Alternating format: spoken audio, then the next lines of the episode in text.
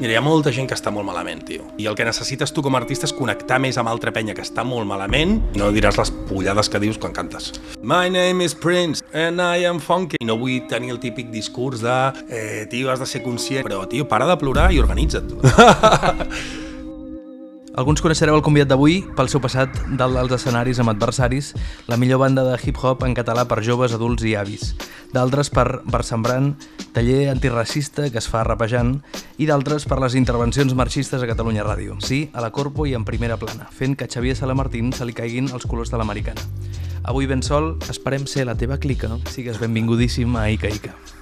Moltíssimes gràcies, estic uh, molt content de ser aquí. Hòstia, és el primer cop que fe, feia això eh, rimant. M'ha fet una mica de vergonya. Eh... Ho has fet superbé, tio.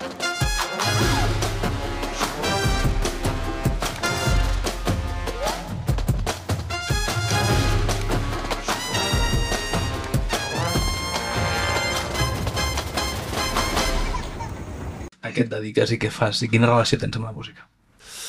Pues és molt fàcil. Ara mateix estic en una cooperativa educativa que es diu Barsembrant i que bàsicament hem intentat portar l'experiència de diversos artistes, ara ja som pràcticament 10, dels escenaris a les aules i als espais educatius formals i no formals. Um, pensem que l'art té un potencial educatiu important i intentem demostrar-ho amb el nostre dia a dia i bàsicament ens dediquem a disciplines que tenen a veure amb la cultura urbana i el hip-hop en concret. I això és el que em dedico. A part faig altres coses, eh? Uh, bastantes altres. Soc pare, que em porta bastanta feina i, i que m'omple moltíssim. Estic escrivint també, tinc algunes participacions en mitjans també, jo que sé, vaig fent. Una cançó que ningú s'espera que t'agradi. En podria dir moltes, però bueno, per dir-ne alguna, um, la millor cançó de pop per mi de la història, que és Slide Away d'Oasis, per exemple, o un altre potser encara més cursi i pop podria ser Free Falling de, del Petty, bueno, versionada especialment pel John Mayer en Flipa. M'encanta com la toca i és una cançó que té tot per ser odiada. La gent acostuma a dir, ok, escolto aquesta cançó pop. Eh, l'altre dia la, la Dua Lipa ensenyava una samarreta en plan eh, no perquè no t'agradi el pop et fa, et fa ser més deep no? Yeah. Eh, bastant de risa. Uh, recomana un artista. Un artista només? Un sol artista? Bueno, si només puc uh, recomanar un artista... Uh, my name is Prince and I am funky. My name is Prince. The one and only. The one and only, tio. Prince, l'únic, inconfusible. I un disco.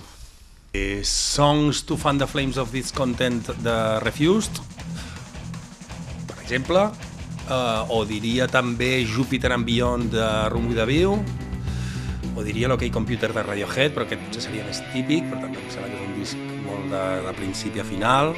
Sí, aquests... Bueno, m'has dit un i t'he dit tres, que collons, està però bueno. El primer, el primer de Refuse em representa, sí. I, I un artista emergent perquè la penya pugui buscar por ahí. Pues diria 97 onzas, aquesta penya de Banyoles, que és una banda rap que si no la coneixeu l'heu de conèixer. El millor concert que recordes com a públic? Gentleman a l'Apolo, potser, perquè ens vam fotre una farra increïble i va ser un bolazo. Eh, sí, potser seria aquest, sí. I el millor o el moment que t'has emocionat més tu estant dalt de l'escenari? Hòstia, uf. molts, tio. Potser... Jo tinc el meu, estant tu dalt de l'escenari. A veure, ajuda'm. No estaves amb adversaris, estaves davant del bloc de sal amb el Nacho Tarrés Ah, que guai. recitant Bertolt Brecht. Mm. Sí, no, no, no era, Belt, no era Bertolt Brecht, tio, era, en realitat era uh, Chesterton, tio, era un fragment de Chesterton, sí. De la nena del Rinxo. Ah, efectivament, de Chesterton. Per què es va acabar adversaris? Pues com totes les coses de la vida, no? Perquè ens vam cansar, jo crec. Ens vam cansar de córrer junts perquè ja no sortien idees tan potents o sigui, Adversaris és una cosa molt genuïna, tio. Jo, la, com a mínim, la visc així. Una relació com molt d'amor entre jo i el Rodrigo. especialment, eh, també amb el 5, evidentment, i amb els DJs, amb tota la gent que n'ha format part, però, però sí que neix una mica de la, del nostre vincle personal com a escriptors, diguéssim. I arriba un moment que deixem d'escriure junts. Llavors és com que, com que no ha sigut una banda mai ni que ens hagi... la prioritat hagi sigut donar-nos de menjar ni servir a ningú, sinó servir a, a com ens sentíem nosaltres i el que teníem ganes de fer, quan vam veure que necessitàvem començar a fer bolos ja repetint temes de feia un any i mig perquè no estàvem fent temes nous i no hi havia vibra per fer més temes, o no ens posàvem molt d'acord amb què volia dir fer temes nous, i tant a nivell de discurs com a nivell estètic estàvem en universos una mica diferents, vam plegar com de la manera més poc visible, vistosa i pública possible, que és que vam desaparèixer i a prendre pel cul. de no vam fer, zero- vam fer ni un bolo de, de comiat ni res, punts total. Sí. Què faries si fossis conseller de Cultura durant 24 hores? A veure, en 24 hores no es pot fer res en aquesta vida, però, Però tens, en 20... tens poder absolut de la conselleria durant 24 hores. I tot el que tu diguis va a missa i s'implementarà en un futur. pues no ho sé, em costaria molt, necessitaria saber-ho en profunditat, potser retir retiraria algunes subvencions, retiraria subvencions al Primavera Sound, no sé, unes quantes grans mandangues, i potser la- l'augmentaria la, la xarxa d'escoles de música municipals, per exemple, per dir alguna cosa que se m'acut super en calent. Segurament s'haurien de fer moltíssimes més coses, però en 24 hores poques coses podria fer, crec.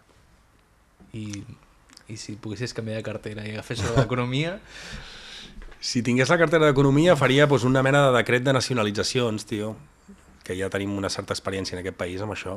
Només hauria de mirar eh, als anys 30 i revisar una mica el que es va fer i fer una mica el mateix. Com, com portes les teves contradiccions? Les tens lligadetes en un sac? Deixes que campin? Com ho, com ho gestiones en el teu dia a dia? La veritat és que tinc un dia a dia bastant lliure de contradiccions molt flagrants ara mateix. Sí, tinc una vida molt apolínia, no? O sigui, per dir-ho amb Nietzsche, no? El tema d'Apolo i, i mm, Dionís, vull dir, de les dues ànimes de l'art, no?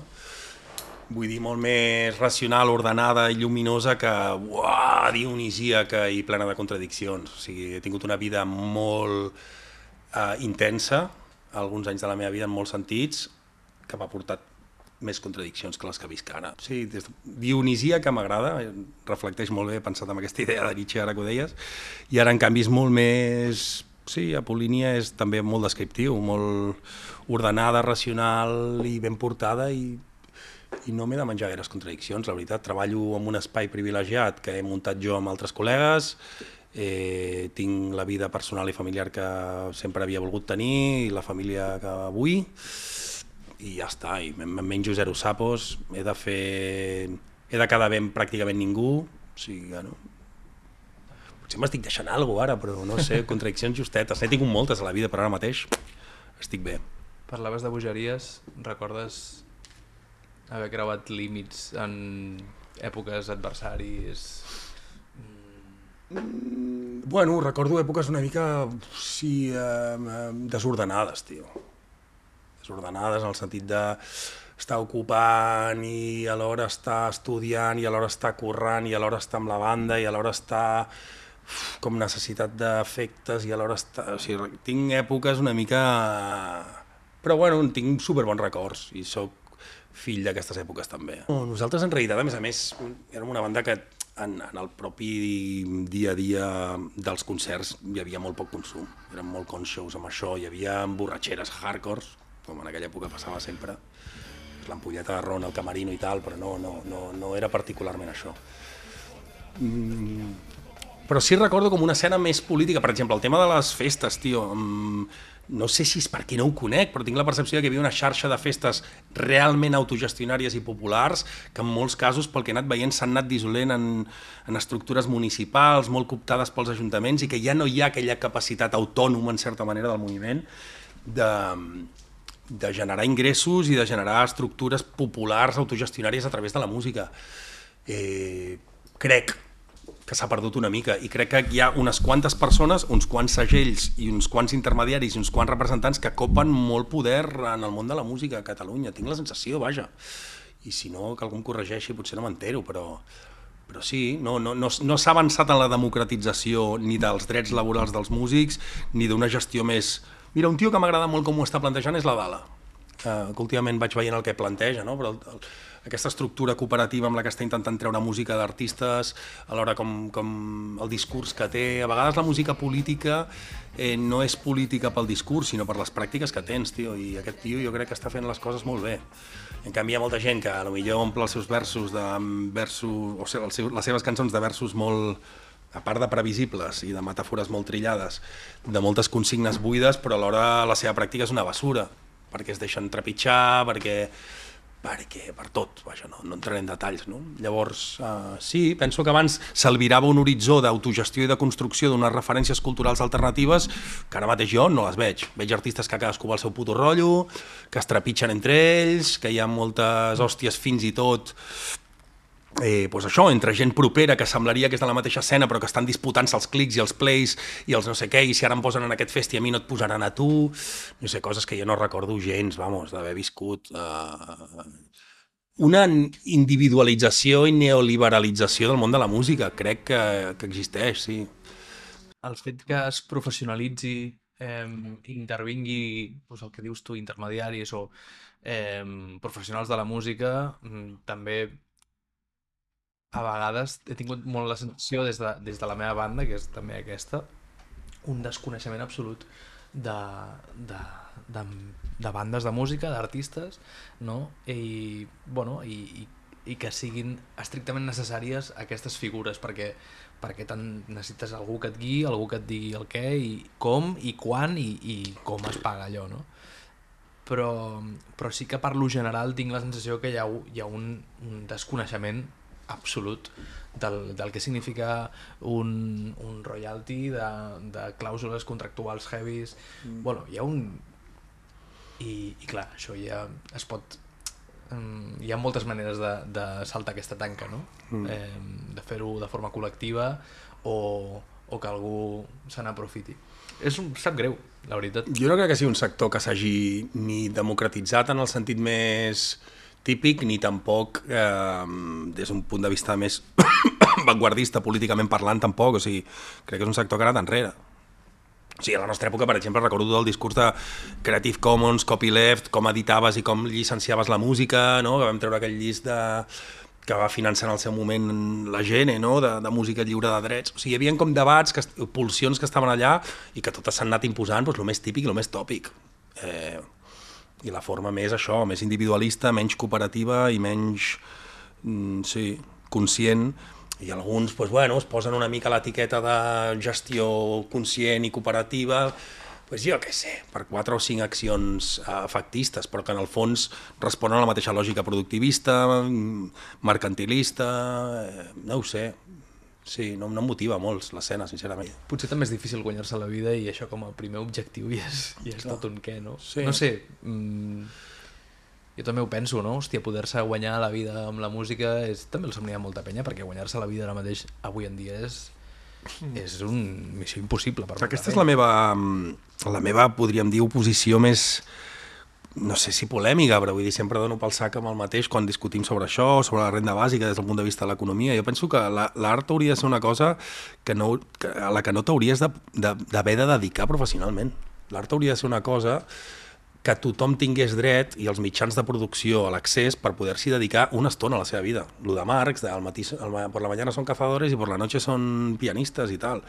Jo somio en una societat que és prou productiva com per poder destinar menys temps de treball a feines reproductives que són imprescindibles, treball socialment necessari, eh, i això vol dir que tu, que per molt que siguis molt artista, doncs, potser hauràs d'escombrar uns carrers, uns dies a l'any o uns dies al mes, o jo què sé, t'hauràs de dedicar a ser metge si vols, 25 hores al dia, i després a la tarda, si vols, doncs ja, ja tindràs els teus espais uh, on compartir tot això que t'agrada tant fer i que no ho menys tinc, que és l'art, no? però aquesta idea de l'artista com una persona tocada i que representa que... A mi em va ressonar molt negativament això durant la pandèmia. O sigui, tota la cantarella que per això dic que és polèmica perquè alguna gent doncs, em vaig discutir, no? però oi, és que els artistes, què farem ara que ens hem quedat tancats? I és en plan, pavo, o sigui, amb el que està passant a nivell social, amb, amb persones que s'han demostrat que tenen una utilitat social al seu treball molt més gran que la teva, com les caixeres de súper, o com les persones que estan a la sanitat pública, algunes condicions com les que estan, amb milers de persones morint, tu penses que la meva prioritat és que tu ara el teu art no arriba perquè estem tancats a casa. Quan tothom, a més a més, està fent art, o sigui, tens una posició superelitista perquè penses que tu ets un treballador artístic i tens més dret que la resta.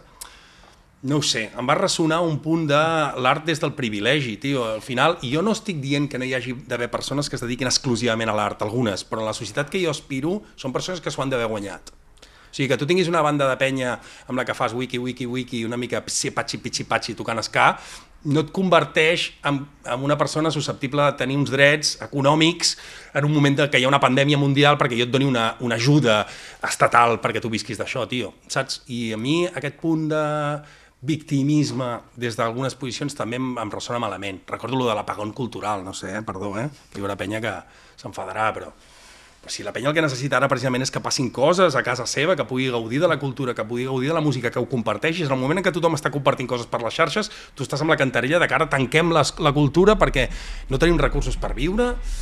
No ho sé, però ja et dic, potser és perquè m'agrada projectar i en la societat, insisteixo que anelo, l'art i la cultura, la música, la literatura no és un un privilegi d'unes persones que es formen per fer això, és un dret universal, tio, perquè és el més important, precisament perquè ho defenso educativament. Per què ho defenso? Perquè sé que són psicotècnies del sentiment que et construeixen com a millor persona, que et fan millor moralment, que t'ajuden a construir pla de futur, que et fan això, millor. Com he de restringir això a una mena de gent tocada per una vareta que, oi, és que té molta sensibilitat per l'art? No és que no, no, és, no, no crec que sigui socialista aquest discurs. Per mi, el discurs socialista en l'art és el d'Adolfo Sánchez Vázquez, o sigui, socialització de la creació o la muerte de l'arte, o sigui, artistes i, i creadors i creadores tots.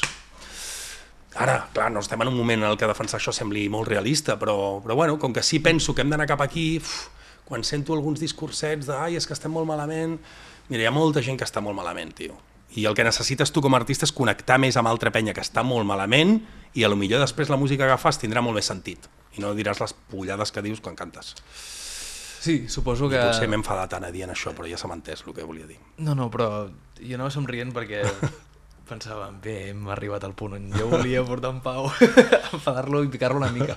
Responsabilitza't, tio, del teu sector. O sigui, entenc el que dius, vale? i no vull tenir el típic discurs de eh, tio, has de ser conscient i no sé què, però, però tio, para de plorar i organitza't, tio. O sigui, si tens una trajectòria individualista de l'artista ploramiques que es creu tocat per una vareta i que pot reivindicar no sé quines coses i després et van malament les coses i Sony t'està s'està quedant amb, el, amb les plusvàlues que s'està quedant a Spotify també, doncs no et queixis, tio. No posis la música allà, posa-la a un altre lloc, o sigui, m'entens? Ja sé que sona molt dur, però, tio, generem les estructures, és el que et deia abans, les estructures populars que també són econòmiques, que ens permetin tenir una certa sobirania sobre la música que fem. Però si tu entres en, aquest, en aquesta performació de l'artista neoliberal, individual i tal, doncs després tu pares amb això. Perquè tu pots estar amb Sony, és que el capitalisme ho fagocita absolutament tot. Tu pots estar amb una multinacional i estar regalant... Bueno, pots tenir una pràctica absolutament eh, capitalista i estar tenint discursos molt crítics amb el sistema i molt antisistema. I no sé, una cosa no té res a veure amb l'altra, pràcticament diria. Que, quins consells donaries o, o mm, quatre tips, idees a qualsevol banda que es trobi en aquestes circumstàncies o es trobi en una dicotomia d'haver d'escollir? D'haver d'escollir entre què? Entre entrar de fons a la boca del llop o crear... Jo no soc ningú per donar consells i no m'entero de la pel·lícula, però penso que els... O sigui, ser una mica conscient, tio, ser, tenir sobirania respecte a la teva obra, tio, coses molt bàsiques, tio. Sigui, el que tu fas, el que tu dius i el que tu vols fer... Mira, l'altre dia sentia el senyor Oca amb unes decles molt senzilles però que em van semblar superben orientades. I vaig dir, mira, aquest tio, respect, no el conec gaire, i tot i que he sentit la seva música i tal, però, però venia a dir això, dic, una, una discogràfica que em posa mogollon de pasta sobre la taula no la vull per res, perquè la pasta que m'està posant la discogràfica se la voldrà cobrar després. I això és una cosa que porta dècades passant i que tothom sap, però en canvi seguim il·luminant-nos amb una discogràfica que ens ve i ens diu mira, tens 6.000 euros aquí per pagar-te els teus vídeos, com que estàs en un moment en el que no tens res, això et sembla la, la primera passa cap a una cosa molt més gran, però pot ser la teva la primera passa cap a dissoldre, perdre l'autonomia, la, la sobirania respecte al que fas, la capacitat de dir què vols fer i què no, quan ho treus i quan no... pues no ho sé. Ja et dic, potser tinc una visió molt romàntica en el sentit de que nosaltres sempre hem fet el que ens ha donat la puta gana en, en el circuit, en el seu moment, plegar quan vam voler, treure els discos quan sí, quan no... I, i segurament hi han d'haver coses per les, amb les que has de passar a parlar-ho, però jo crec que ara mateix es passa per uns aros, tio, que són intolerables, home, Uf, i que són de molt poca dignitat en respecte al sector, no? Mm, respecte a la desigualtat de catxets, per exemple, que hi ha en el sector. És que hi ha coses com que si te les mires des de lluny és increïble, tio. Tu mires el que paga un ajuntament per segons quins artistes avui en dia. Eh, recordo que amb el Guillemino fa poc ho miràvem amb un artista que em va passar, que no vull dir, és igual, però que sé, tio, que es paguen unes morterades ingents de pasta pública amb 70.000 pavos, 80.000 pavos perquè un tio et vingui a punxar 45 minuts i no sé què no sé, que tinguis una mica, recomanaria que la gent tingués una mica mirada estratègica sobre el sector, tio. Un referent polític i una banda sonora per posar-li darrere eh, quan hagués de fer un míting. Imagina't l'escena, la crearem amb un vídeo. Un referent polític, si n'he de dir un... Històric. Històric o viu? Va, pots dir-los un referent polític, Josep Manel Busqueta, indiscutiblement moralment, políticament, teòricament, en tots els sentits. Eh, no hi ha ningú, no he conegut ningú així en la vida. Eh, històric, pff, jo sóc molt marxista, tio. No, de la tradició, no del marxisme com a tradició, sinó de Marx, tio. Per tant, històric diria Marx, sens dubte, i viu diria el Busqueta. I la banda sonora Diria pues, la que he dit de, de songs uh, to fan the flames of discontent de Refuse, una cosa ben hardcore i ben dura, amb un discurs de Marx a la, a la AIT o alguna així. pues, Pau, mil gràcies per venir aquí. Gràcies a vosaltres, collons, i que vagi molt bé aquest, uh, aquest programa. Cuideu-vos molt, merci per convidar-me, bonic. Que vagi bé. Merci a tothom, a l'equip. Adéu, adéu, adéu.